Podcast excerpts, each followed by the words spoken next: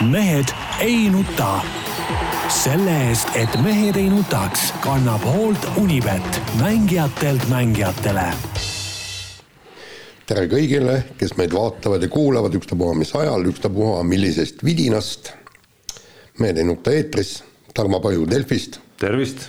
Peep Pahv Delfist ja Eesti Päevalehest. tervist. Jaan Martinson Delfist, Eesti Päevalehest, igalt poolt mujalt ja ära läinud häälega rabiseva häälega. kahtlane, nagu oleksid eile nagu seda hundialavett kõvasti lasknud või? ei, ei sellest ei, vastupidi, kui sa jood külma, külma õlut soojal päeval, ei siis võib tulla, aga kui oled ka eelmisel õhtul ütleme kõvasti, ütleme pannud kõva litaka, eks ole, siis hommikuti ega mõnikord hääl ära ei tea. see on ka sellest muidugi, et, et mida rohkem võtad, seda valjemaks ka jutt muutub ja seda rohkem ka räägid. et, et, et see võib-olla tuleb ka sellest kas saab veel rohkem rääkida, kui, kui sa niigi räägid, et meie lihtsalt tausta mõttes kuulajatele-vaatajatele meie tänane hommik ja viimane veerandtund on põhimõtteliselt eh, dialoogid käinud selles rütmis, kus Peep plärab kogu aeg midagi ja, ja mina üritan teda nagu vaigistada. et kas, et, et noh, kas nagu purjus peaga nagu süpsis olles, ma ei, ma ei kujuta ette, mis siis veel juhtub esiteks sa oled mind ka süpspeaga muidugi näinud. no ammu ei ole. no ammu ei ole jah, aga. ma ootan endiselt seda suurt juubelipidu ikkagi Keila korvpalli äh, või seal Keila spordihoones. spordihoones jah ja, no,. kus, kus see on? ei no koroona ütleme segas ära selle, muidu pidi tulema ju pidu.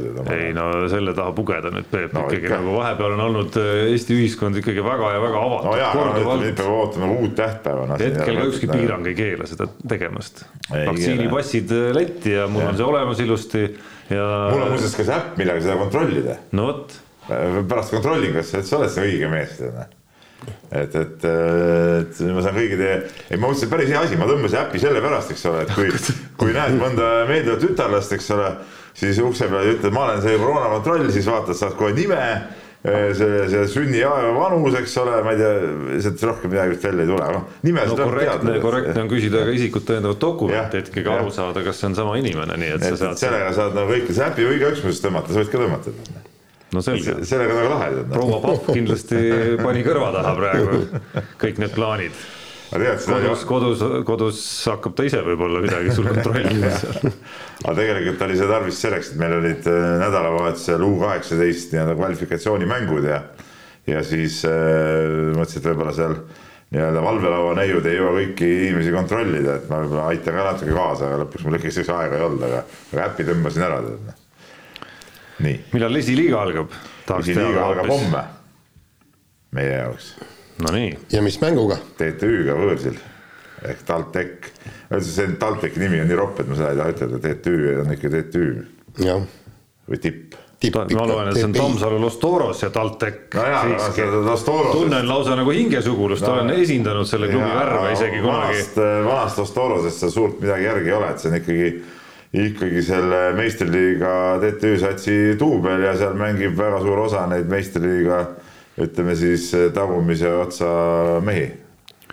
No arvestades, eh, mismoodi ikkagi on komplekteerimine läinud siin ja, ja Peep rääkis siin saate eel ka, kuidas noh, vähemalt üks mees seal koosseisus on ikkagi nagu noh, põhimõtteliselt juba noh ütleme no varsti on ikkagi NBA-s vist, tundub vähemalt, vähemalt, et noh, siis, siis ikkagi noh, täiseduga ma eeldaks, läbitakse põhiturniir. ei maksa siukseid hakata nagu esiteks mulle sõnu suhu panema.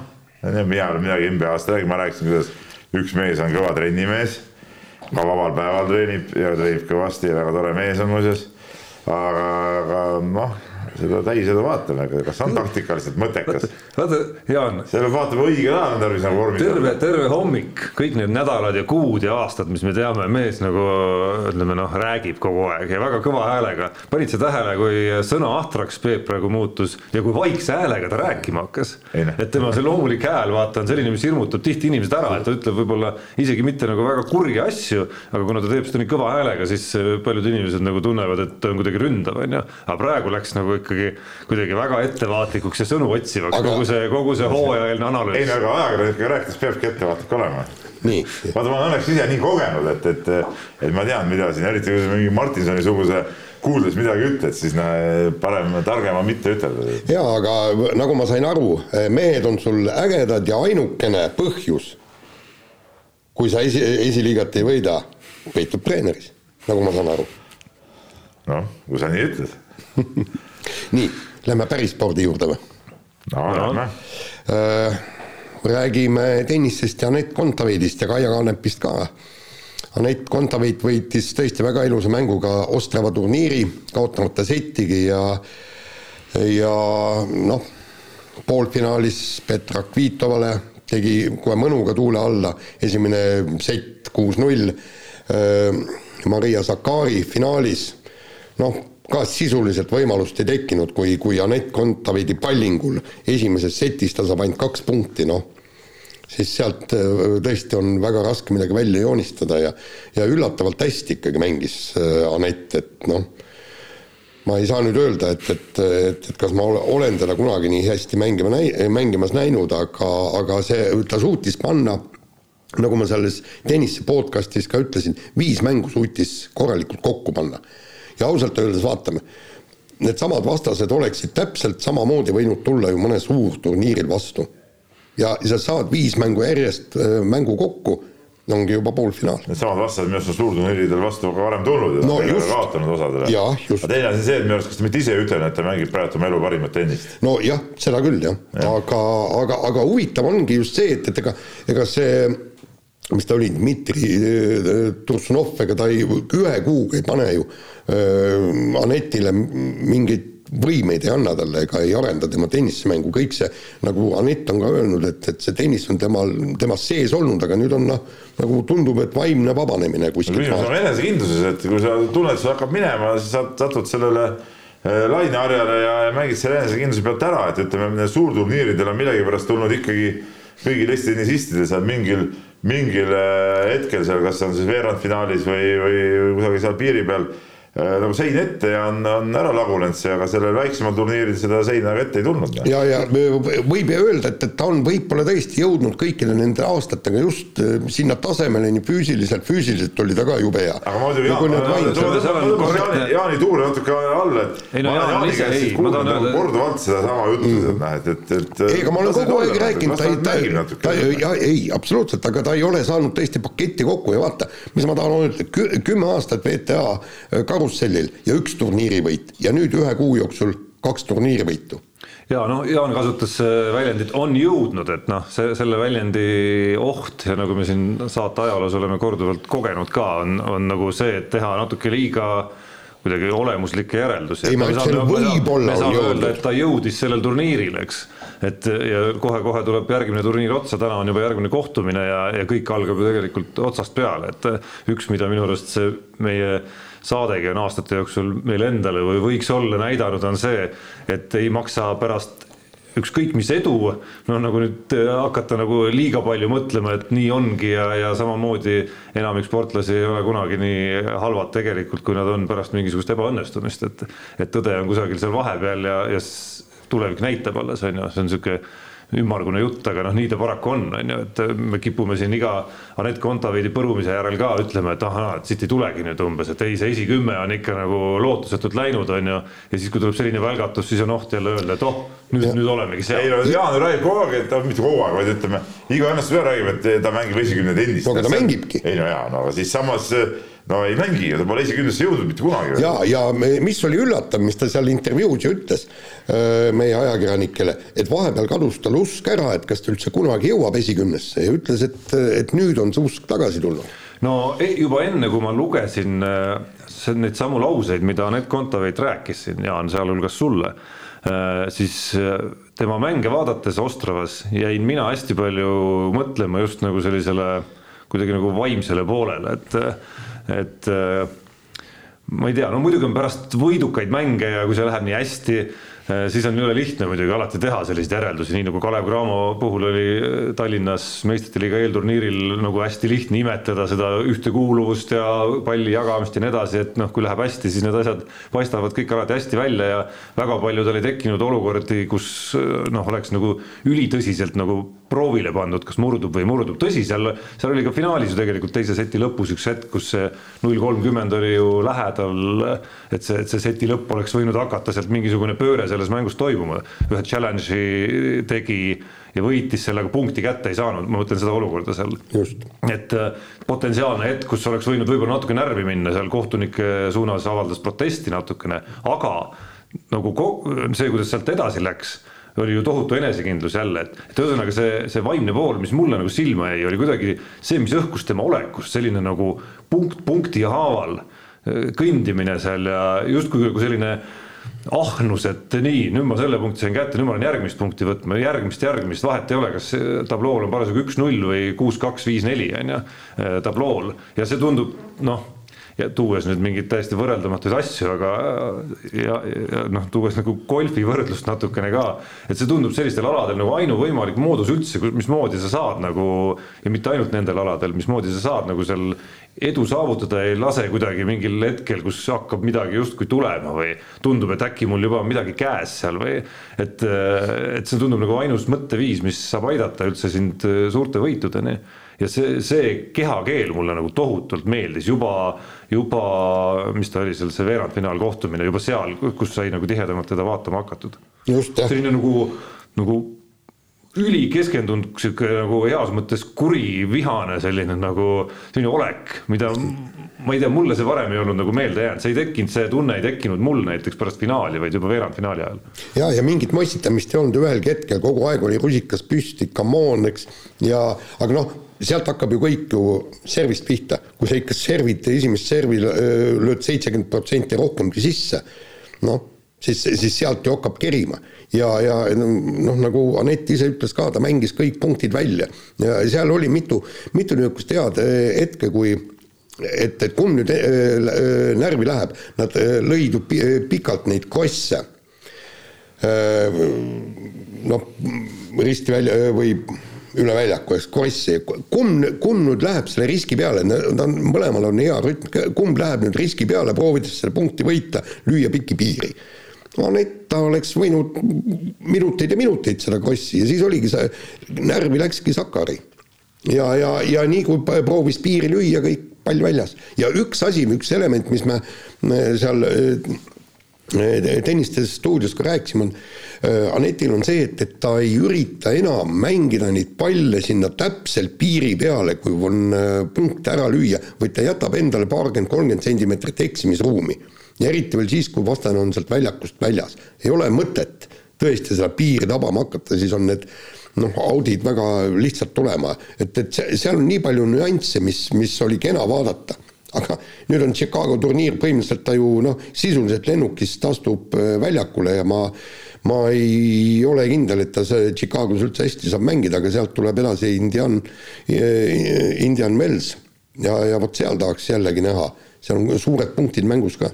aga noh, see lause, millele sa viitasid muidugi, see kuidas öelda, kahtlus iseendas, et kas ma üldse nagu jõuan tegelikult üldse kunagi või kas ma olen suuteline jõudma noh, esikümnesse näiteks, et noh, see ju seletab üsna ilmekalt ära noh, miks ta ei ole sel aastal võib-olla noh, jättes nüüd see eelmine turniiri võit ka välja, et miks, miks on olnud selline periood, kus noh, maailma edetabeli kohtki viitab, et et ei ole kõige paremad ajad hetkel. no sellise kahtlusega sa ei saagi, ei olegi võimalik nagu häid turniire ju kokku panna.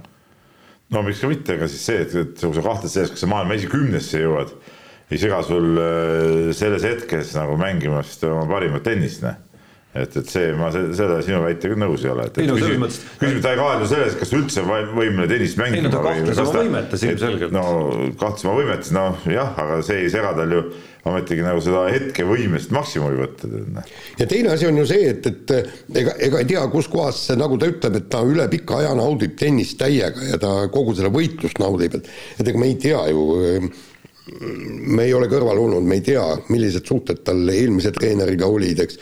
mis tal vahepeal oli, kui ta otsis endale eh, head treenerit, kõik, et me, meil on niisugused asjad on kõik teadmata et, et me otsustame ainult selle pildi järgi, aga, aga me ei näe inimese sisse. no jaa, aga no mis, no see on ka niisugune naljakas jutt natuke, et kui sa oled ikka spordi, sa oled tennisist, siis naudid seda mängu kogu aeg, mis mõttes, et üle pika aja nautis, no mis sa vahepeal tegid, vastumeelselt mängisid, see on ka niisugune udujutt natuke. no Peebu jaoks muidugi kõik nagu sellised vaimsed ja psühholoogilised nüansid tunduvad nagu udujutt on ju, aga noh, praktikas tuleb minna ja panna. praktikas on tennises, praktikas on tennises ikka seal punktide vahel päris palju aega mõelda. küll seisule, küll seisule, küll sellele, et ma olen närvis praegu, et see ütleme jutuvada sinu peas võib seal, võib seal noh, ma arvan, otsustab enamikke matše tegelikult. See, ja see jutuvada, ma arvan, tema peas on töötanud viimasel ajal päris kõvasti tema kahjuks. see, et ma olen närvis, see kõik need mõtted, et mis, mis seis on, mis nüüd teen, see kõik ongi ju selle naudingu üks osa ju noh sa peadki olema närvis, kui närvis ei oleks, siis, siis on naudingust ka asi kaugel. ei no jaa, aga kui sa saad kogu aeg tappa, sa ei tahagi enam seda trenni minna, sa ei tahagi enam väljakule minna ja. et seal on ju suur vahe, kas sa ütleme sealsamas äh, punktide vahel see jutuvada sinu peas äh, mõtleb, et kas ma nüüd äh, okei okay,, nüüd on tähtis punkt, nüüd ma võin selle asja ära kaotada, nüüd ma võin, võib juhtuda see või teine. või sul on see mõtlemine, nagu ta ise kirjeldas, et iga punkt tundub nagu väljakutse, oh nüüd on tähtis punkt, ma tahan selle võidu ja selle punkti kätte saada, et see on ju tohutu mõtlemise vahe. Kui sa, kui sa suudad selle liigutuse oma peas ära teha. no ei maksagi nii palju mõtelda, tuleb mängida. no jube lihtne on öelda seda kõike muidugi golfis ongi. me näeme, me näeme korvpallis ka suuri mehi eksimas kasvõi otsustavatel vabavisetel on ju, noh, täpselt sama olukord tegelikult. no aga see on seda, et nad ei naudiks seda mängu, noh, see ma, ma räägin, see on nagu mingi udujutt. Läheks päris äh, mängu juurde ka, räägiks korvpallist natuke. no, no räägime korvpallist. et noh, korvpallist nii palju rääkida, et minu arust võite erisaated ja muud muud teemad on kõik nagu minu arust täna selle kõrval ikka suht tühised nagu, et, et minu arust on tulemas üks, üks selline hooaeg, mida ütleme sihukese ärevusega pole nagu ammu oodanud, et üks vingemaid hooaegu. no äh, sel nädalal või eelmisel nädalal oli üks korvpallihooaja avaüritus ka, kus äh, noh, nagu okei okay., kus äh, astusin ise ka üles olude sunnil natukene, aga see selleks. ja, ja siis noh, nii-öelda Delfi esindajana mingid avasõnad seal ja, ja rääkisin seal noh, justkui nagu kohustuslikku juttu sellest, et on suur elevus, aga tegelikult kusjuures see ei olnud nagu üldse sellepärast, et see tundus nagu kohustuslik jutt, vaid tõesti see Eesti-Läti ja kodune liiga tundub sel hooajal nagu, nagu äh, nii palju noh, nii, nii mitmel põhjusel nagu põnevam, kui ta on olnud mitmel viimasel aastal, et noh, lätlased on tagasi, publik loodetavasti on saalis ja jääb saali, uus klubi, eestlasi välismaal on tulnud omajagu tagasi, et, et kuidagi nagu sellist nagu põhjust, mille üle nagu elevil olla, on tõesti. on, on, kui me tuleme avaürituse juurde, siis see oli muidugi täiega jamps muidugi sihukest asja korraldada, mingi söögi tegemisega veiderdamine, see, see ei olnud nagu suurem asi, aga see selleks, aga aga, aga jah, liiga ise on, äh, on tõesti, ma arvan, see aasta on väga huvitav, et et okei okay,, et selge see, et Eesti meister on juba praegu teada, et, et Kalev Cramat siin keegi ei, ei, äh, ei väära.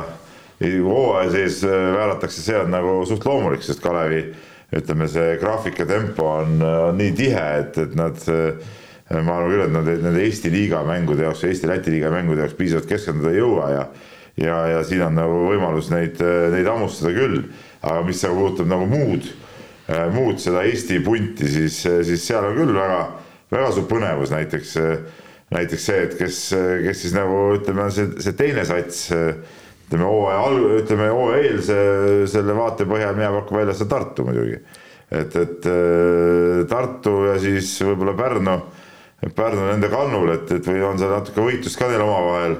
et see on näiteks väga huvitav küsimus, huvitav küsimus on see, et kas Rapla üldse kunagi oma võistkonna kokku saab või ei saa. no nagu sellise no. korvpallimeeskonna mõõtu meeskonna. jah, täpselt korvpalli nagu. mängijate arvu mõttes juba. samas äh, Rapla kiitsus peab ütlema küll ühe asja, et vaatamata sellele, et neil on olnud äh, räigelt ebaõnne ja, ja kõiki neid tegureid äh,, on neil ikkagi, vot see on nüüd see nii-öelda see püramiidi küsimus, eks ole, et nad on saanud ikkagi mingisuguse hulga noori võtta sinna põhisatsi juurde ja mingisugused trennid on ikkagi toimunud et, et ei ole nii, et, et ongi kolm meest ja, ja, ja mängivad üks-ühte seal, äh, kaotaja jääb kaitsesse, eks ole, ühe korvi all.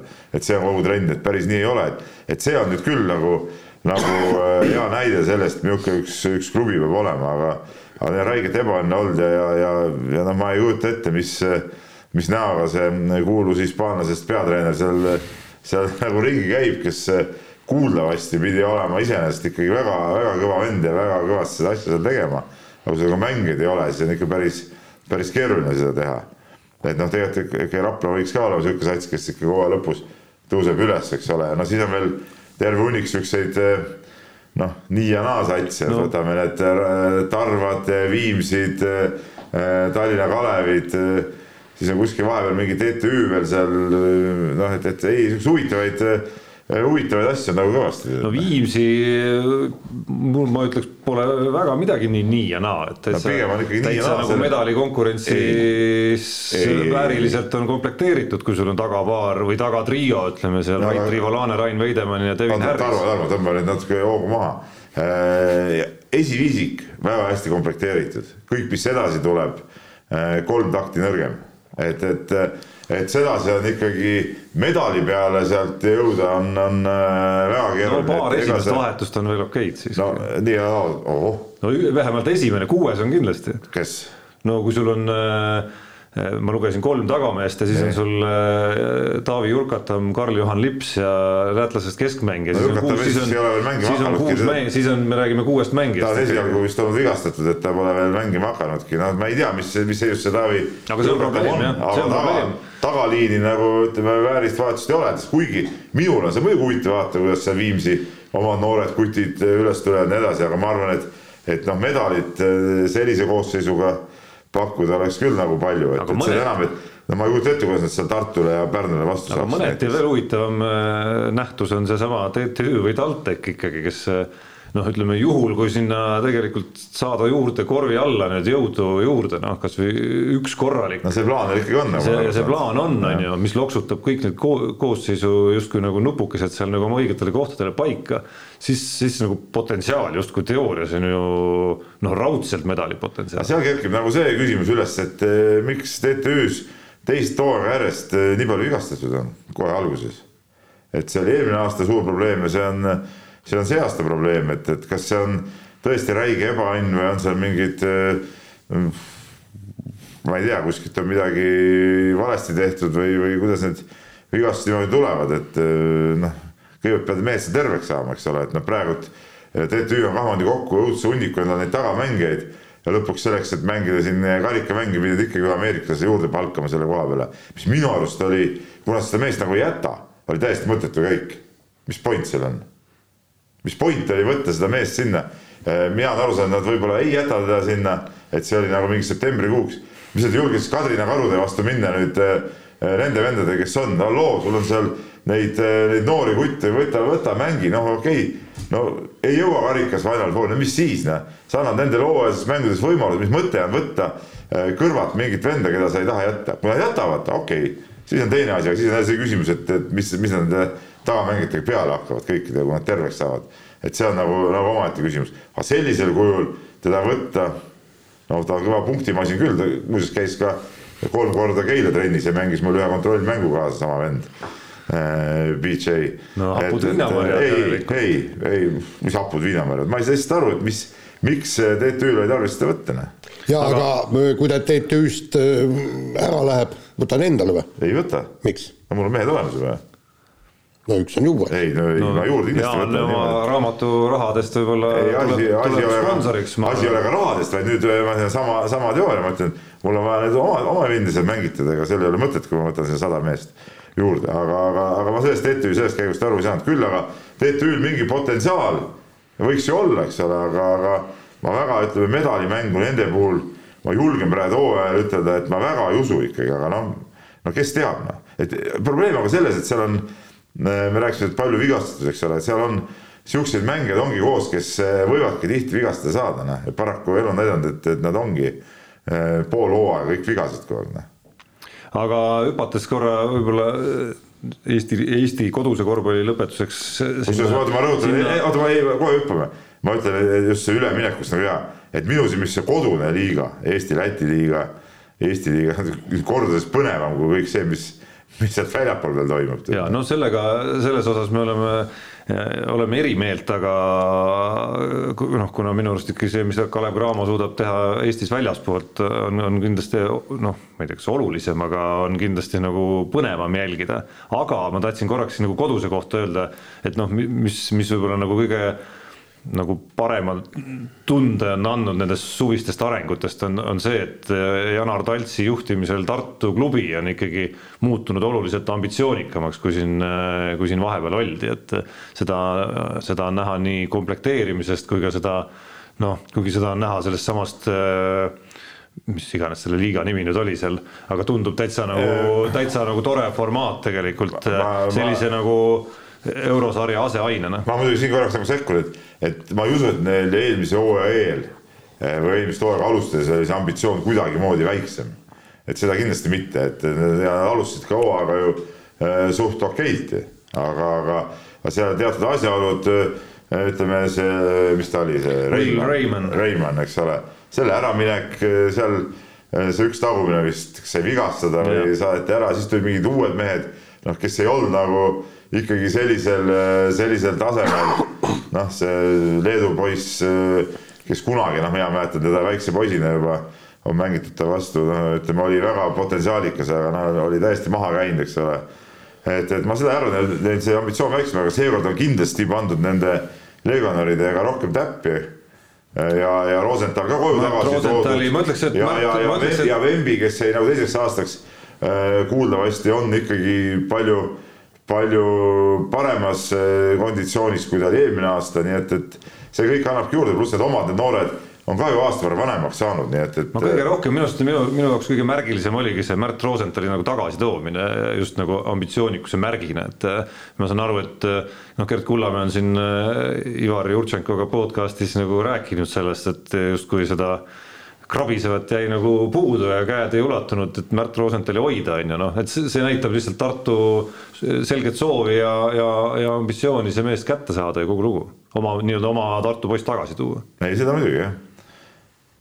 sa tahtsid midagi veel rääkida? aa, no Kalev Cramost pidime ka natuke ja. rääkima, et kuigi kuigi eh, esimesest VTB liiga mängust on eh, nüüd natukene aega möödas juba ja noh, raske vist on tegelikult siin väga pikaks seda juttu nagu venitada, et, et midagi ei ole teha, Peterburi seniit vähekene nagu noh, karta oli, klassi võrra kõvem oli, Kalev mingis osas nagu häbisse ei jäänud seal aga, aga noh, need kardetud valukohad olid ka kõik väga hästi nagu näha, mida siin, mida siin meistrite liiga turniiri järel spetsialistid äh, rääkisid ja millele tähelepanu juhtisid, et millega läheb raskemate satside vastu, tähendab kõvemate satside vastu raskeks, alustades sellest, millised pikad seal ees ootavad näiteks. ja ütleme, see korvialune, kuigi ütleme mingil hetkel seal ütleme rünnelauas äh, Nurger tegi seal seniidi vastu päris kõva tööd, aga tervikuna. see oli ka rohkem sellest, et me viskasime siukseid huupi kolmeseid mingil perioodil nagu sihuke hetke, hetkeline see, aga selge see, et, et sellise eesliiniga me jääme tipptasemel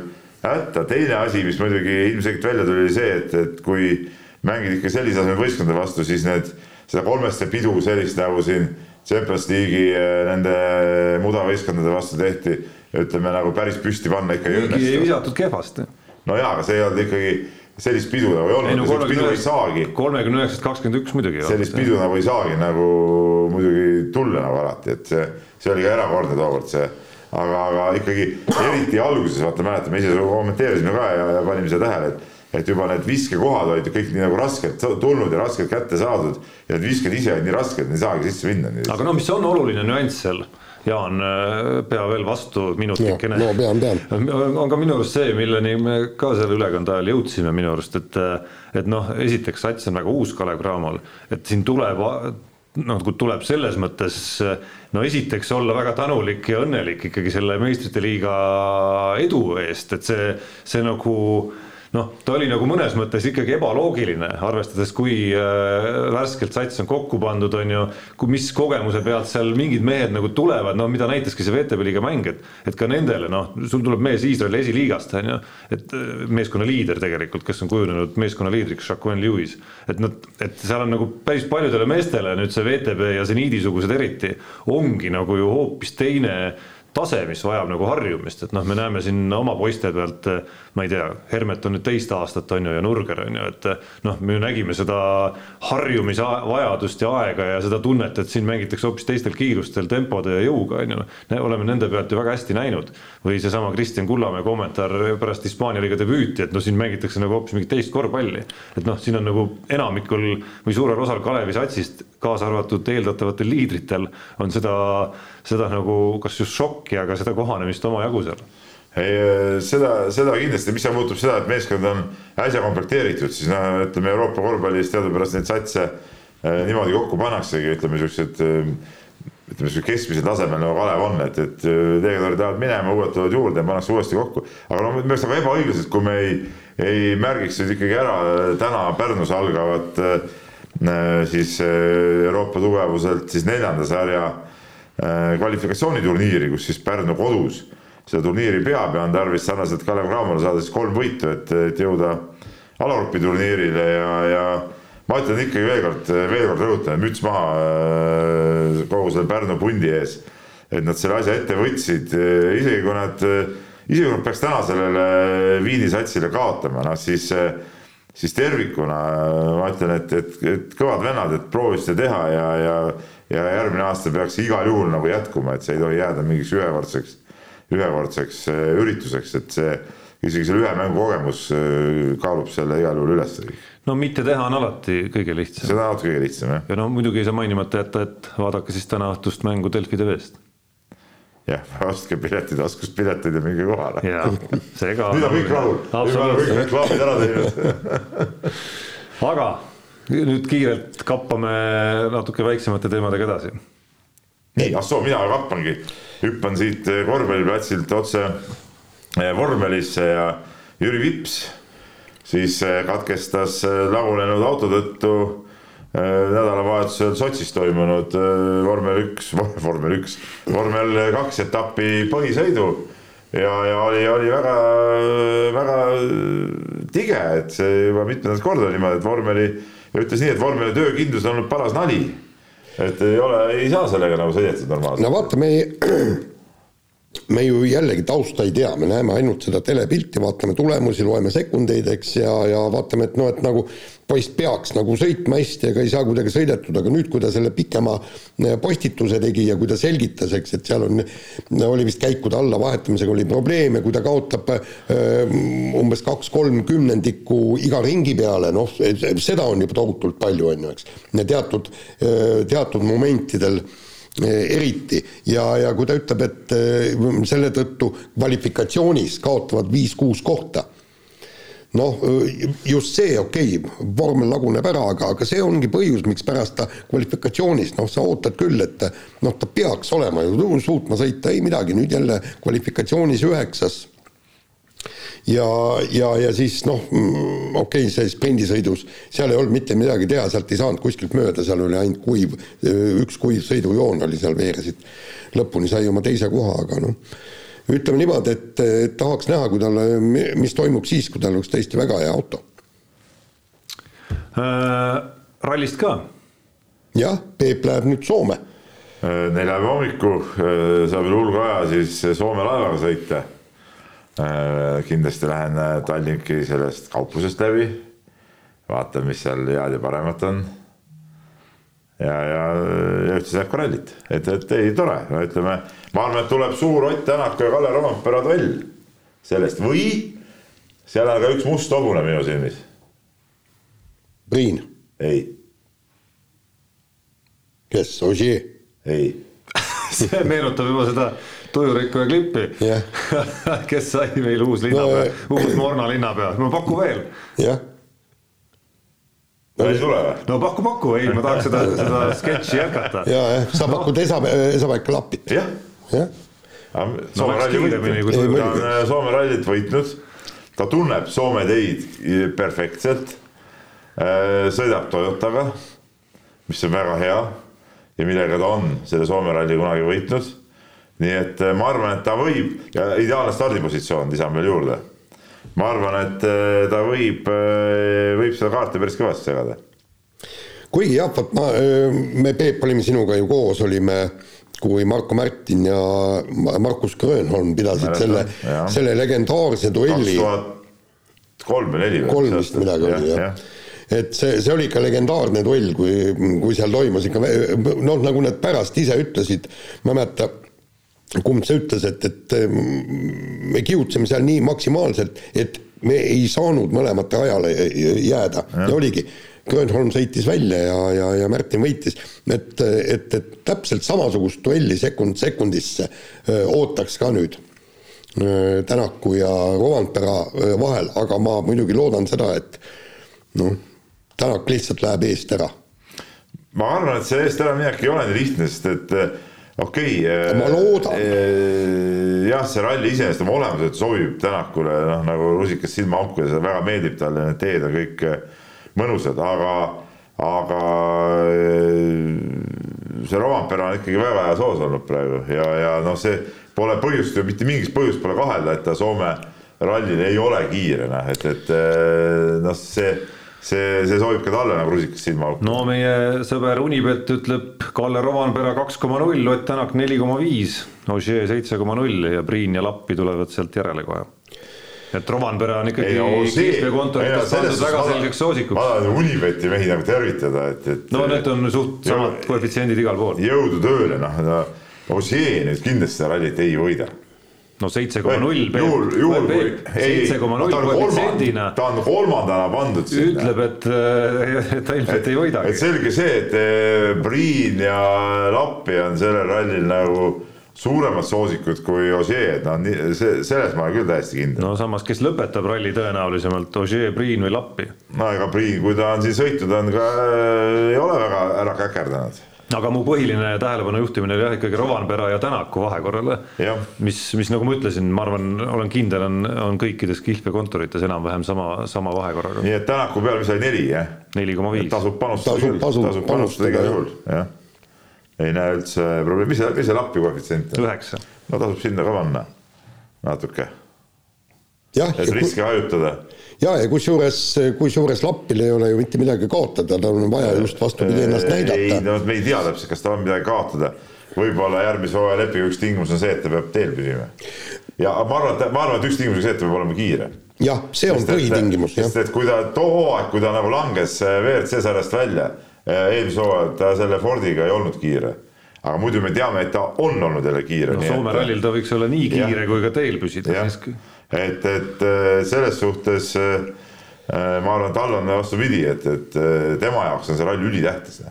ja ei, seda kindlasti, aga, aga just kiiruse pärast, sest ta- tahetakse näha, kas sa oled WRC autoga endiselt kiire. jah, Teil peavad kuigi, ütleme need kaks rallit, vist kaks on ta teinud või kolm, kaks kindlasti.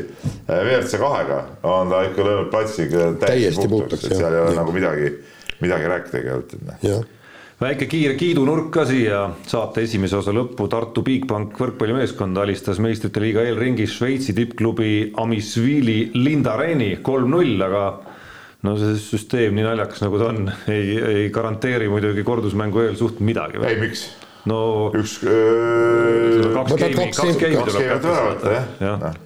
No no, ikka ikka parem kui kolm võtta. parem, aga pisut siiski nagu tobe, minu jaoks on see reegel ikkagi, et, et aga teistpidi see teine vana süsteem, mis võrkpallis oli, et kui kolm-null oli ära, siis teises mängus üks-null saadi kätte, siis, Kõik. siis oli nagu mäng läbi, siis pandi mingid eh, seal kastis, tavaliselt eh, kastis need venitusharjutusega mehed pandi platsi peale, no see mäng ka kedagi ei huvitanud mis siis ikka noh.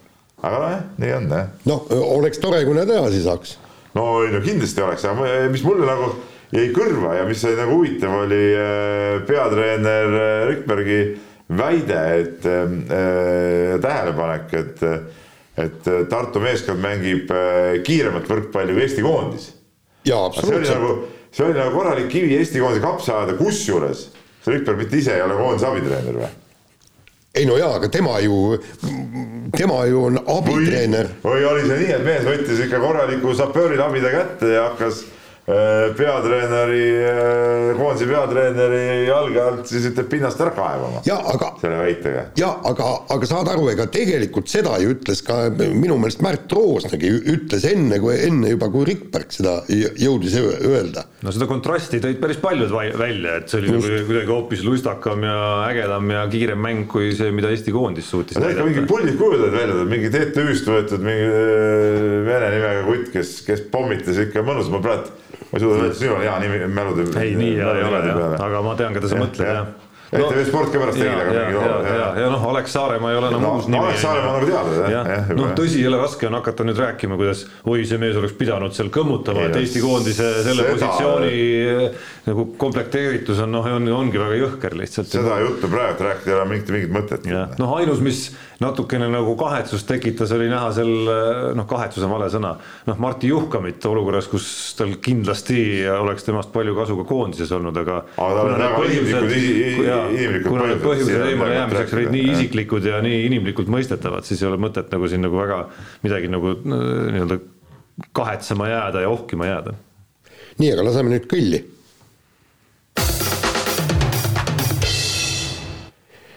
nii, aga lähme kiirvahemängu juurde, tõesti tuleb tempot tõsta ja äh, siin äh, Allar Rajamäe kuulsas Õude peres on asjad, asjad kõik korralikult äh, kombes. Nagu ta ütles, sõlmis abikaasaga lepingu, jätkab tippspordis, et see on ju selge, et proualt tuleb ikka küsida, et äh, kuidas need asjad nüüd käivad. proualt tuleb küsida, aga mehe sõna peab ikka maksma, see on selge. no kust sa tead, et mehe sõna siin maksis praegu, mitte proua sõna. ei, muide, Peep, saad aru, naine ajab korda väikseid asju ja otsustab väikseid asju, mees suuri asju. Aga naine otsustab, mis, millised asjad on suured ja millised on väiksed. nojah, nii on. ei, no tore on, et Raja jätkab. no huvitav on nüüd, mismoodi see jätkamine seal nüüd siis nagu lõppkokkuvõttes välja näeb siis kogu selles komplektis, kus pangu Tainsooga kahene vaata. kus Hendrikson justkui ka ei loobu, aga aga noh, tegelikult nagu natukene hak- hakkab valmistuma loobumiseks. nojah, et ütleme seegi see, et olümpiani Hendrikson ei tee, nagu ta ütles. Ma saan aru, Raja ka esialgu üheks aastaks nagu võttis selle plaani. aga minu arust võiks küll Taimsoga proovida kahest, miks ka mitte. kunagi on ju MM-i pronksile tulnud ja EM-il ka ju kõvasti sõitnud ja vist et, et või?, et vahelduseks sellele neljase trallile, noh, miks ka mitte. et ma arvan, et see oleks täitsa okei ja, ja no, noored poisid pangu teine kahene ja siis tüüpiliselt aga Hendrikson paneb ühest või? no ja miks mitte, ei, aga ta ütles ju, ta tahaks ühest ka proovida, noh, miks mitte. aga vahetame meie teemat. värske uudis eilsest, Andrus Veerpalu on dopingukaristusest vaba ja võib asuda võistlema ja, ja noh, võib-olla olulisemgi, et võib asuda ametlikult ka treeneritööd tegema. no äh, priik saab ta sellest siis tänasest sai, mitte äh, eile oli see uudis. aga no eile minu arust äh, see on sihuke kummaline värk, et, et äh, okei okay,, see karistus, mis ta seal tookord määrati, see, see kõik on selge, aga, aga kuniks tal minu arust on mingi kohtulugu pooleli, oleks nagu suht imelik, kui, kui ta saaks samal ajal ikka nagu treeneri tööd jätkata. noh, teisest küljest nagu spordisüsteemis on tal karistus kantud, noh. no ja see ongi absurdne ju, see ongi on absurdne, et see karistus üldse nii napp oli. ei ole või? noh, oota, mis ta kokku tuli siis? aeg läheb nii Kaks kiiresti, aastat, kaks aastat no tavapärane karistus ju. no tegelikult on, kui sa loed WADA koodeksit, siis seal on kirjas, et treenerid, kes mõjutavad öö, oma sportlasi ja noh, soodustavad nende dopingu tarvitamist ja aitavad sellele kaasa, peaks saama karistuse karmima kui sportlane. sportlased jaa, sportlased said neli aastat.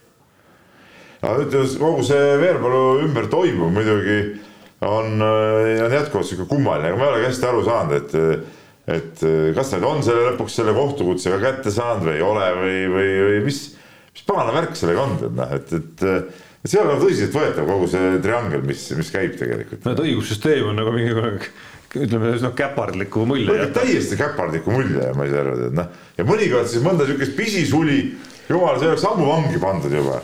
aga nüüd vot teda ei saa nüüd kätte, keegi, keegi ei tea, kus ta elab, eks ole, et noh jah, Peep natuke kiirust ületab, siis alati saadakse kätte. Jah, alati saadakse kätte. aga Veerpalu kohta. ei, alati muidugi ei saada, tähendab siis muidu, muidu mul polekski lube kunagi olnud.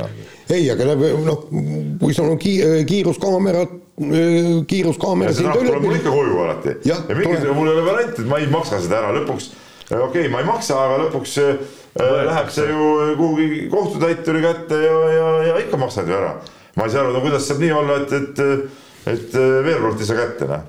saad küll kohtutäitur sinna või, või, või mis need on need igast need, vaata need, kes otsivad neid igast äh, võlgnikke ja, ja, ja neid asju, tead noh.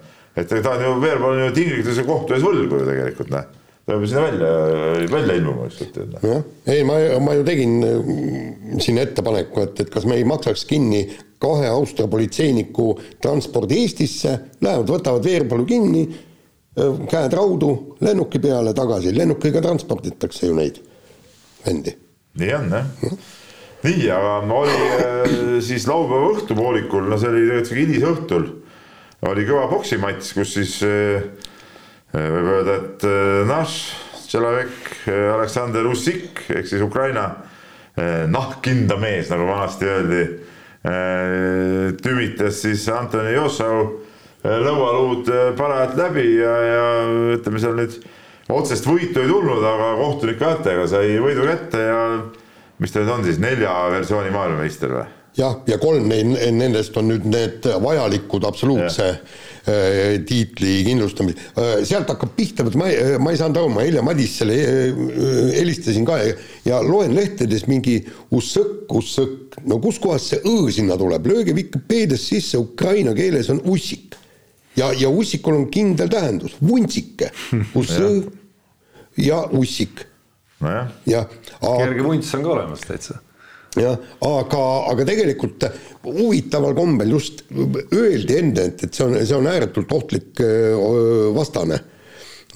Ussik ja, ja, ja, ja, ja tõesti see, et kui intelligentselt ta boksis, iga matš oli tegelikult see punkti kogumine ei ole just noh, minu jaoks kõige põnevam, aga, aga, aga nauditav oli vaadata. poksides nii kaua, kui üks mees pikali kukub, noh. just, aga, aga, aga nau-, niivõrd nauditav oli vaadata seda, kuidas ta oli nii kiire, nii kiire, no. lihtsalt teine, teine mees ei saanud mitte midagi sinna vastu teha. noh, mõnes mõttes on niisugused pöördedki ka laiemas mõttes ägedad spordis, et kogu poksimaailm elas Joshua Fury kordusmatši ootuses on ju, kõik on, kõik oli justkui laud kaetud, välja joonistatud, mismoodi see poksimaailm nüüd nagu edasi jõuab siit ja siis Ussik tuleb ja mitte lihtsalt ei võida, vaid võidab niimoodi, et, et siin arutletakse ekspertide poolt, et kui et kui nüüd Joshua peaks nõudma kordusmatši, milleks tal on õigus kolmekümne päeva jooksul, et siis äh, selle kordusmatšiga võib selles mõttes nagu pahasti minna, et,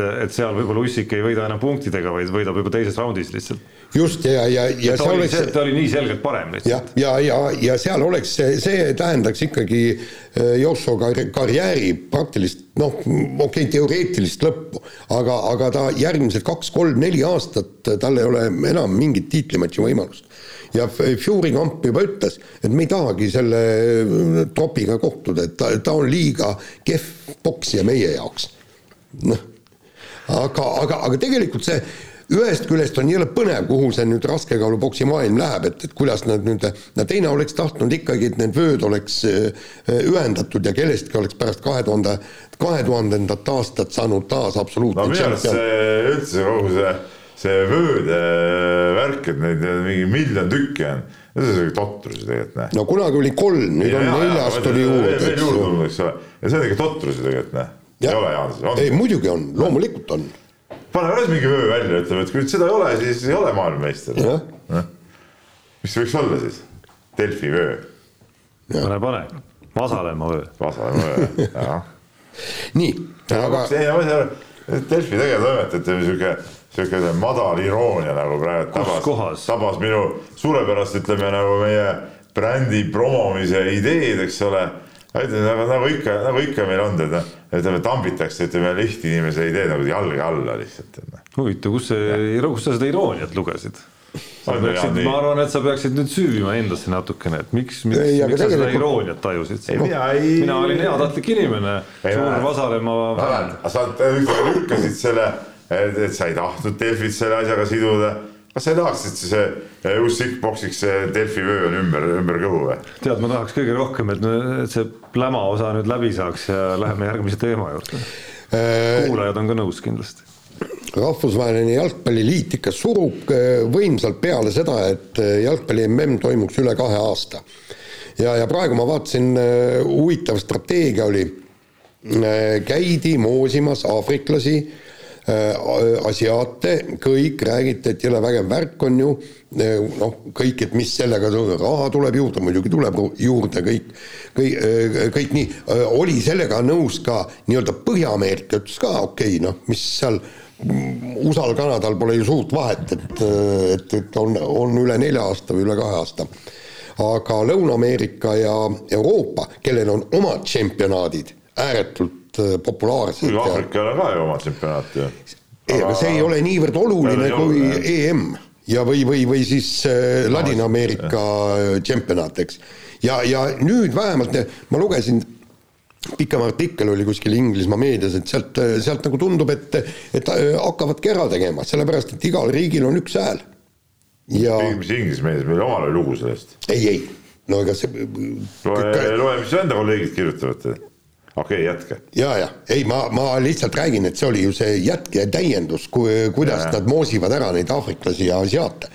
et, et noh, et see oleks minu meelest oleks jama ju, see oleks minu meelest jama. muidu oleks täielik jama oleks see noh see on jälle järjekordne näide sellest, kuidas see raha eh, meil pärast kirjades jõuab, meil on sihuke oi-oi kui pikk tee, ma kardan, et see meil võtab eh, väga palju aega või võib-olla te hakkate vaidlema aga kuidas see raha ja, ja, ja kõik see ärindus rikub ikkagi sporti ikka totaalselt, tead noh. Ei tunne ise ka, et tahaks väga nagu alla kirjutada sellele plaanile, aga väga pikantne olukord muidugi, noh tõesti, et. ja lõpuks tehaksegi ära ja polegi midagi teha, mis me siis teeme selle EM-iga noh ja ei, ei, aga siis. iga suvi seal jalgpallitiitrivõistlus devalveerib kogu seda asja. absoluutselt jah kusjuures huvitav on see, et, et jäähoki mm võib olla iga aasta, see, sest see on kuidagi traditsioonidesse läinud. jah, jah ja. kuigi ütleme jäähokis ka oli ju mm, no ta on jälle siuke natuke, ta ei ole ju nii äh, esijärguline turniir, ta on väga vinge kõik, vägev asi, eks ole, aga ta ei ole ju nii oluline, kuna seal ju kõik NHL-i vennad kaasa no, ei mängi, et et vanasti oligi ju kord äh, mingi aasta ne... tagant, nelja aasta tagant oli see Kanada, Kanada karikas, mis oli ikka nagu tegelikult see kõige kõvem turniir, eks ole, no nüüd on olümpia, nüüd on olümpial jälle NHL-i mängijad ka tagasi, eks ole, et, et noh, et see on see, et, et see kõik annab seda väärtust, just see ka, et teda ei ole nii tihti, tead noh.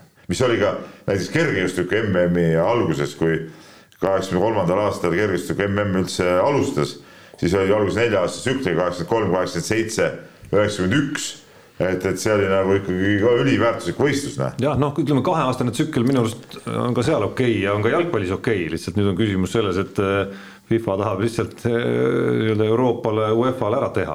ja aga kusjuures huvitav oli see, et, et Euroopa sissetulekud olid üle kahe korra ju suuremad kui rahvusvahelisel jalgpalliliidul ja nemad tahavad ka pappi endale saada, et tegelikult see äh, UEFA on suutnud seda Euroopa jalgpalli jube hästi müüa kõik need meistrite liigad ja muud liigad ja, ja. aga äh, kiire vahemängu lõpetuseks langetame pea ja, ja soovime rahus puhkamist Jüri Tammele, tõelisele Eesti spordilegendile, kes meie seast lahkus. ja ärasaatmine oli sel hetkel, kui meil saade hakkas, eks ole, kell üksteist. Äh, no ütleme, sel samal suvel ma tegin temaga saadet siin, istus sama tooli peal, kus, kus Jaan praegu ja mina istusin seal, kus Tarmo, sina praegu, et, et kahtlemata väga väga tore ja sümpaatne mees oli, midagi pole ütelda. jah, aga noh, no ütleme niimoodi, et, et vähe on neid sportlasi, kes, kes kõikidesse niimoodi ääretult mõnusalt, sümpaatselt, sa, sa lähed, tuleb, oo, näed, kohe viis pihku, kohe räägid ja ma olen seal olümpiamängudel ju temaga kohtunud kõik, istume maha, joome tassi kohvi ja, ja, ja vestleme maast ja ilmast, et, et noh et lugu, lugupeetud härrasmees oli. ja, ja hinnake iga hetke, mis teil siin antud. just. kõll. Unibetis saab tasuta vaadata aastas enam kui viiekümne tuhande mängu otseülekannet. seda isegi mobiilis ja tahvelarvutis. Unibet, mängijatelt mängijatele nii, räägime ennustamisest ka, ma tegelikult ei taha väga rääkida, olen nüüd langustrendi peal ja neljasaja pealt juba kolme, kolmesaja seitsmekümne peal, tundub, et Eesti sportlaste vastu nii-öelda nende edusse panustamine on väga kahjulik selles mängus, peab võib-olla ikkagi natukene ümber vaatama, aga sellest on hästi läinud, näed, Kontaveit võitis turniiri. jah, no mul on alati hiljem tulevad mõtted pähe, tead, eks. selles. ei, absoluutselt. selles no, oleme kõik väga kõvad. ja, jah, et tegelikult oleks pidanud kontoidi peale, no ise olin loll, et ei panustanud ja ma ja ei teinud praegu panuseid. Ja aga, aga no pärast vaatad, noh. nojah, minul jäi, eelmine läksin siit suure, suure hurraaga minema, et teen suured panused ja lõpuks lõppes see kõik jälle nii nagu, nii nagu ta ikka kipub lõppema tihtipeale. aga, aga nüüd igal juhul Tänaku peale tuleb panustada Tänaku peale tasub panustada jah, selle vastu ma üldse ei vaidlegi. Aga lisaks Tänakule panustamisele on mõned mehed ei nuta eripanused ka täitsa tänased, kusjuures kõik tänaõhtuste mängude osas ootamas teid Unibeti lehel. üks puudutab korvpalli ehk Pärnu Sadama tänaõhtust mängu Viiniga. huvitav on see, et kihlveokontorid ikkagi seal Pärnut loevad soosikuks selles mängus ja see võimendus Pärnu peale on siis üks koma seitse koefitsient, aga kaks muud panust puudutavad tennist, Kaia Kanepi tänaõhtune mäng Jill Teichmanni vastu koefitsiendiga kolm koma null ja Anett Kontaveit Madison Brangli vastu äh, setid kaks-null siis koefitsiendiga üks koma kuus, et see puhasvõit jääb natuke liiga kasinaks. tead, see, see, see on tegelikult kahtlane, ma räägin no, sulle. ohtlik äh, mäng kindlasti. no ta on ohtlik mäng, sellepärast et äh, sa tuled viie mängu pealt ära ja sa sisuliselt noh. otse lennukist. lennukist väljakule, jah. kindlasti ei ole lihtne, aga kirjad. nii, kirjad ja ma võtan kohe ette ühe kirja, mis, kus ma tunnen no kirjasaatjaga absoluutselt äh, no nagu ütleme, sada või üks protsenti nõus, et kiri on siis järgmine. mul on selline küsimus või arutelu, sellel aastal on asjad ikka eriti ligadi-logadi, kes, kus, mida ülekannet põhimõtteliselt näitab, mul peab olema Via, noh siin on Via Sport, Via Play tegelikult, eks ole, et näha meistrite liigat ja Florat, mul peab olema Go3, et näha Inglise liigat ja korvpalli meistrite liigat, pluss siis Euroliigat, eks ole. Nii mul peab olema Inspira, et näha VTB mänge, mul peab olema Delfi, et näha Pärnu mänge ja loomulikult peab kõige eest äh, maksma circa seitse eurot kuus. et äh, kas me ei saaks kuidagi teha spordikanalit, mis võiks äh, näidata kõike ja ühe tasu eest, olgu see siis kümme või viisteist eurot, aga kui circa viis kohta kõigile maksta, no kõike kohapeal vaatamas käia ei jõua ja, ja pluss veel vormel üks ja muud asjad juurde, võrkpall ja nii edasi et, et noh, see on nagu olukord on läinud täiesti absurdseks ja, ja ma pean nagu RR on kirjasaatja, kes meil on siukse initsiaal, ma arvan, see Robert Rooba äkki, aga noh, vaevalt küll. et, et ähm, ma pean, ma pean sada protsenti nagu sellega nõustuma, et, et ma olen ise sama probleemi ees nagu spordihuvilisena. ma olen kõik need asjad endale tellinud siin aastate jooksul, on mul need Go3-d, et äh, kuigi mul telekas on ka Sport3 olemas äh, ühe raha eest, siis mul on Go3 eraldi veel võetud, et sealt äh, vaadata mingeid asju, mida seal Sport3-e saadet ei näe siis mul on see Viaplay võetud, et äh, vaadata vormelit, noh nüüd veel Champions League ka seal. Äh, ja siis mul on veel võetud see, noh, noh, ma ei, mina ei pea võtma neid, eks ole, aga ma saan aru, et kui inimesel on veel mingid Delfiga tasulised need ülekanded, kõik asjad, noh, et see nagu, see on absurdne ju tegelikult, noh. et see summa läheb ju kokkuvõttes nii suureks ju tegelikult, noh. Et, et, et see, et see äri on ikkagi, tapab nagu ära seda seda sporti ennast ja seda spordi vaatamist, aga samas ma saan nagu aru, et selle vastu võidelda ei ole mitte mingisugust võimalust. Noh. ei no ma ütlen, kes, mis see mees siis on, kes teeb ühe kanali, kus kõik need asjad koos on no,. lõpuks, ju, lõpuks ju kõik ettevõtted äh, ajavad oma ettevõtlust ja, ja püüavad, püüavad ise noh, kasvatada oma populaarsust, pakkuda oma kasutajatele põhjust aina rohkem tulla ja, ja ka maksta ja nii edasi ja nii edasi, on ju, et noh, et, et mis see, mis see siis nagu. aga sinu jaoks see on normaalne see olukord või? ei no kas see on, kas see normaalsus on see telg, mida siin arutada, aga tavalise spordisõbra jaoks ei ole siin absoluutselt midagi nagu lihtsat või nagu või, või nagu meeldivat absoluutselt, aga küsimus on nüüd, mis siis nagu mis siis teha noh? no teha oleks see, kui no, ütleme, teha oleks see, kui need kõik need kanalid oleksid äh, normaalses telepaketis sees ja saad selle, tellid selle telepaketi endale, noh, ma ei tea, maksab ta siis tõesti kümme eurot ja kõik asjad on olemas, aga ongi, probleem ongi selles, et, et pooled asjad ei ole teles, on see, on see Delfi jura, eks ole, on see äh, Viaplay jura, eks ole, mis on nagu, mis ei ole nagu televiisori asjad, äh, mis ei ole nagu nähtavad tegelikult kusagil. Ja sa pead neid kõiki eraldi tellima, sa saad väga hästi aru sellest, miks. Sa teed suuri silmi, aga nii on paraku, see ei ole, nad ei ole nagu teleasjad ju noh, see ongi probleem noh. ja, ja kusjuures. Nagu, ma ei saa võtta, mul vanasti oli nii, et, et sa võtsid selle spordipaketi, sul oli seal Eurosport, oli see Viiasa Sport Baltic ja asjad olid seal kõik sees, see Tanta sport, kõik olid olemas, sa tõid kõik asjad ära, muid asju nagu polnudki ju noh no, aga nüüd on kõik nagu laias. ja, ja teine asi on see, et sul, sa, sa oled ikka täiesti sassis. hakkad otsima, tahad seda vormelit, kus pagan see oli, aa, see oli Viaplay's, eks. kus kohas see on jälle, see on kuskil seal. telekava, telekava ju ei ole vist minu, minu teada. Nendel ei ole ju telekava kõik. siis järsku avastan, kõmm, näitavad, see Viaplay vist näitab golfi. Polnud aimugi sellest ju ma ei käi seal ju otsimas, et huvitav, mis saateid täna näidatakse, eks. no aga kaks varianti, kas äh, meie kohustus on spordisõpru kursis hoida, kus mida näeb. aga me isegi ei tea, meil ei ole, meil ei ole telekava. või siis mm., ei no Viaplay lehel kindlasti ei ole olemas see info, et nad näitavad. no info, et me näitame. aga kokkuvõttes on see muidugi nende, ei no siin ei ole ju küsimust, muidugi on keeruline orienteeruda selles, no igaüks ju. igaüks reklaamib oma asju ja, ja see raha pool, ma arvan, seda me ise võib-olla liiga hästi ei taju, kui meil siin on endal tööst tulenevalt juba meie enda pakett olemas, Postimehe lugemine, Äripäeva lugemine, noh, tegelikult mõned võib-olla veel seal on ju seesama Viaplaygi on ju spordiajakirjanikel. ma ei tea, mina maksan küll ise oma Viaplay'd, ma ei tea, kas meil töö juures olemas on. et noh, et, et sport, keskmine spordisõber on absoluutselt oluliselt keerukamas olukorras no aga siis äh, nõustuda, aga sa oled vastu olid. ei no kui ma vastu olin, küsimus on, mis siis, mis siis teha nüüd, kus see on? ei ma ütlesingi, et ei olegi midagi, kahjuks ei saagi. kes tuleb ja ostab kõik, kõik asjad endale. parandada, noh, et, et see ongi, aga, aga seis on väga halb ja, ja see ongi väga halb nende siukeste, ma ütleks siukeste nagu taskukanalite tõttu nagu see, et noh, mis ei ole nagu päris, päris kanalid, et sealt see, sealt see jama pihta hakkab, noh.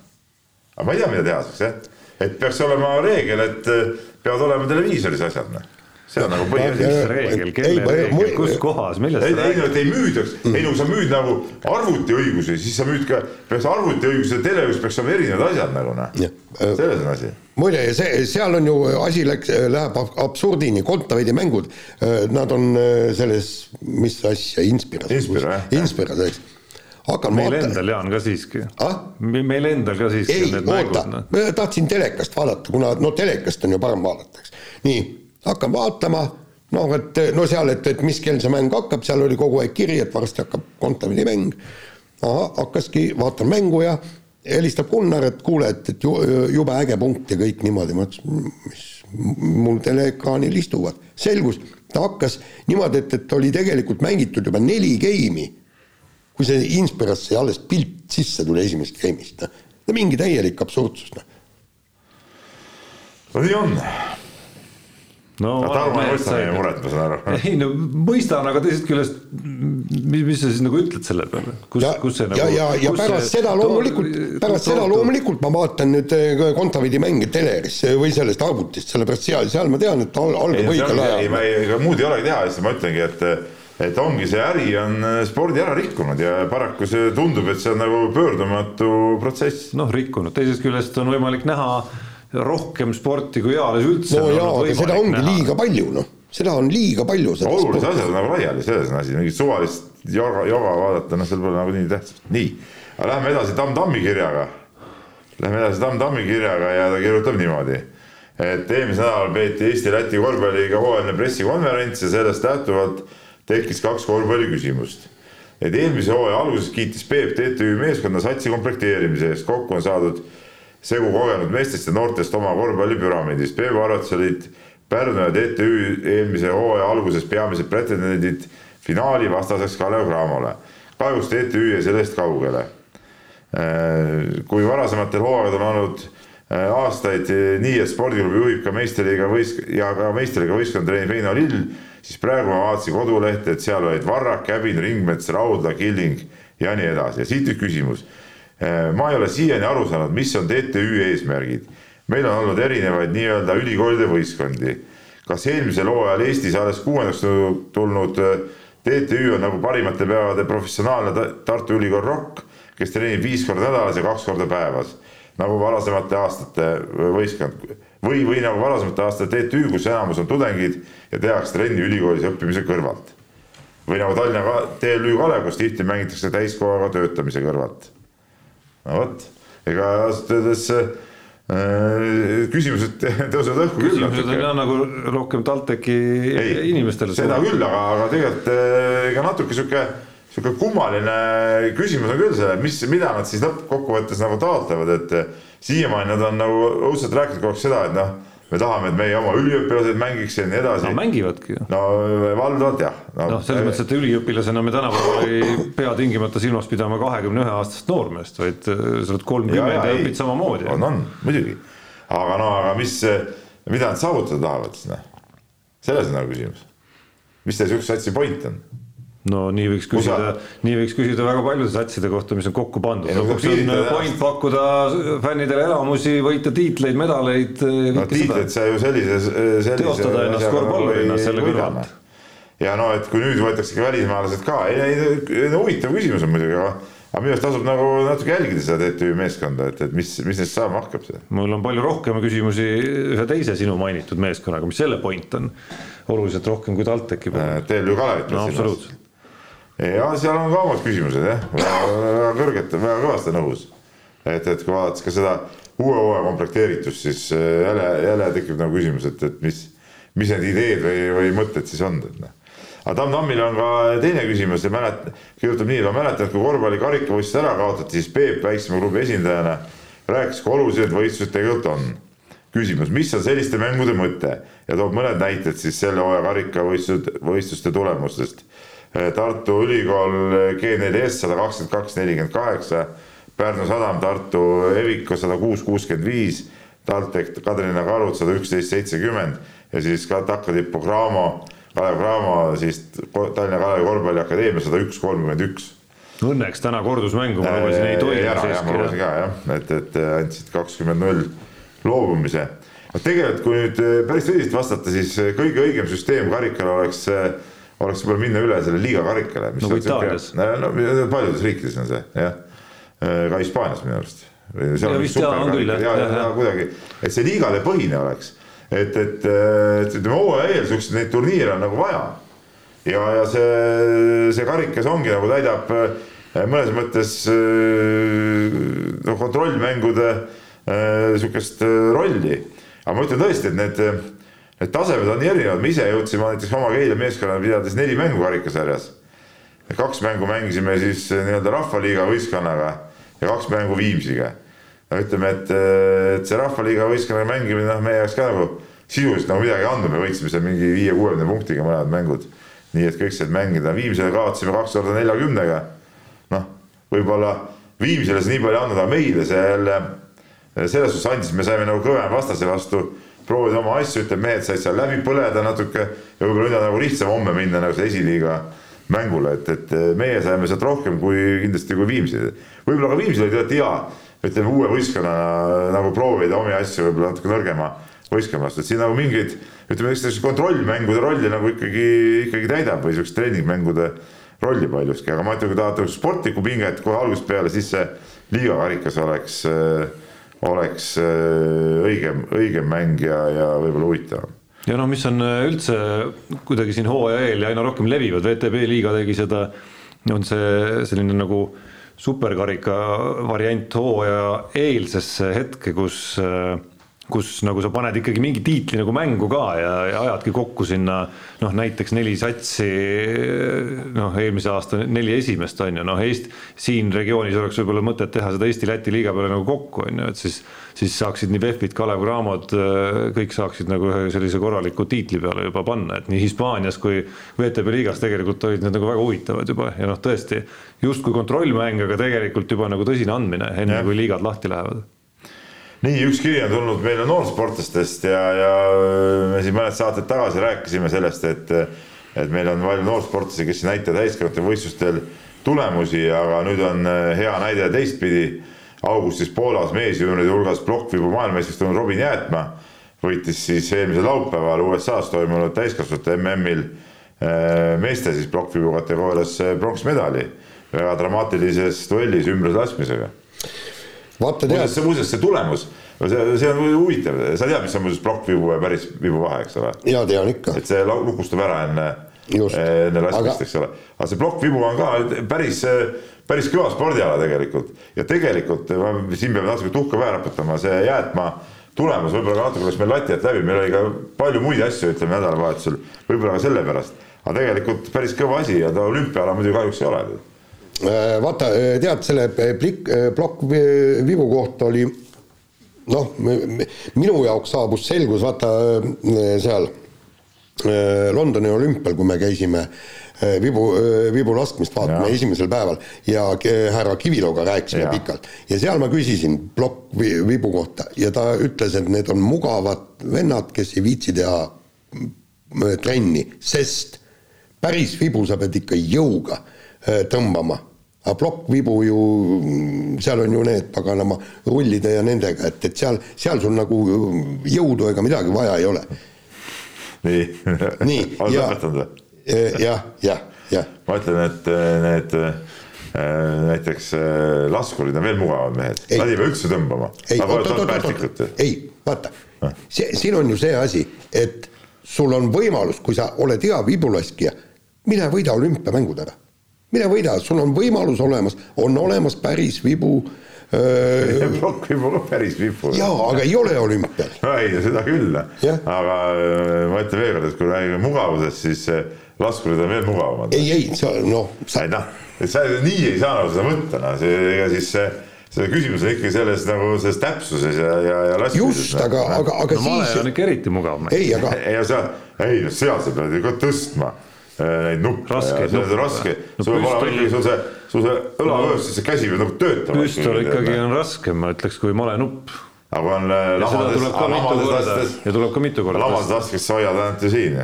no aga ikkagi pead natukene nagu äh, mõned no, lihased ikkagi töötavad. malenuppu pead tõstma, ma arvan, see on, see raske. ei, aga ma, ma, ma lihtsalt siin ja ütlen. kui kahes nipsu mängid, siis pead, näpp peab töötama. ja aga, aga ma, ma ütlen, minu jaoks on küsimus, miks ei taha inimene tulla olümpiavõitjaks või olümpiapronksile ei no sa võid, äh, sa võid ju küsida seda, aga on ju palju äh, mitteolümpiaalasid, noh näiteks.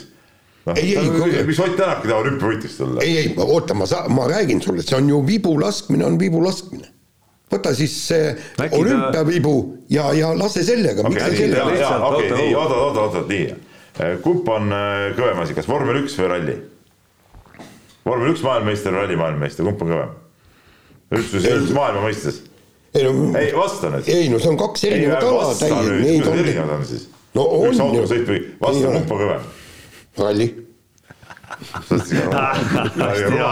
ja sa said ise ka aru, noh. väga hästi aru, kuhu lõksu sa tahtsid tõmmata teda saad aru, nad muide. ei no okei okay,, aga Peep, sul ei ole piisavalt hoidu, et eh, reageerida vastavalt, sest nüüd sa pead küsima, et oota, aga miks need eh, vormelimehed nii atud on siis, et ralli peale üle ei lähe? miks ei ole, Raikkonen ju käis ja Kubica käis ja, ja Raikkonen tahab jälle tulla. aga, aga, aga saad aru, nad, vot seal ongi vahe, vaata vormelisõitjad tahavad rallisse tulla ja tulevadki rallisse ja, ja sõidavad, näiteks Carlos Reutemann oli isegi Argentiina rallil oli poodiumil, kunagi tipp, eks. aga näed, rallimehed, noh, ei näe põhjust ja, hakata okay, vormeleid sõitma. see võrdlus muidugi üldse ei päde nagu kuskilt otsast, et äh, alati on võimalus, inimene ei tahagi nagu tippsporti tegeleda, tippspordiga tegeleda. Jäätmaa kindlasti tegeleb tippspordiga. no kas ta on nagu okei okay,, ma võib-olla räägin asjadest, millest ma ei tea, aga noh, selles mõttes äh, ma arvan, et vibu, sellel plokkvibu suurvõistlusel leiab ikkagi nagu töö kõrvalt tegijaid oluliselt rohkem kui nagu päris vibuspordi tipust, noh, nii lihtne see ongi. ma arvan, et ka vibuspordi tipus leiab töö kõrvalt tegijaid, isegi muudel aladel leiab töö kõrvalt tegijaid. nii, võtame kiiresti lõpetuseks äh, ühe kirja, mis ütleme, lükkab meid, no kiri ise ütleb, Martti Sokk on selle saatnud ähm, ulmevaldkonda ja, ja see on, nagu ta kirjutab ka Boas Jaani ampluaa. Ja ta kirjutab nii, et mis võiks olla eelislik, kui näiteks tennises meie mängija väljaku kast oleks väiksem, näiteks igast küljest kolm-neli sentimeetrit ja vastase oma suurem selle võrra. Jah, et, et kas Anett oleks siis maailma top kümme no ma arvan, et ta jõuab top kümnesse ka võrdse, võrdse väljakuga, aga, aga eh, eks see välja, väljend ole, et, et tundub nagu, et ühe, ühel oleks see väljak väiksem, see on täpselt nii, nagu teinekord korvpallis tundub, et ühe meeskonna korv on kuidagi väiksem, et pall ei taha mitte kuidagi sinna sisse minna aga Mart küsib seda, et nagu Eesti jalgpallikoondis mängiks niimoodi, et vastaste värav oleks suurem ja Eesti oma väiksem. kas me siis saaks mõne äh, suurriigikoondisega näiteks viigi kätte?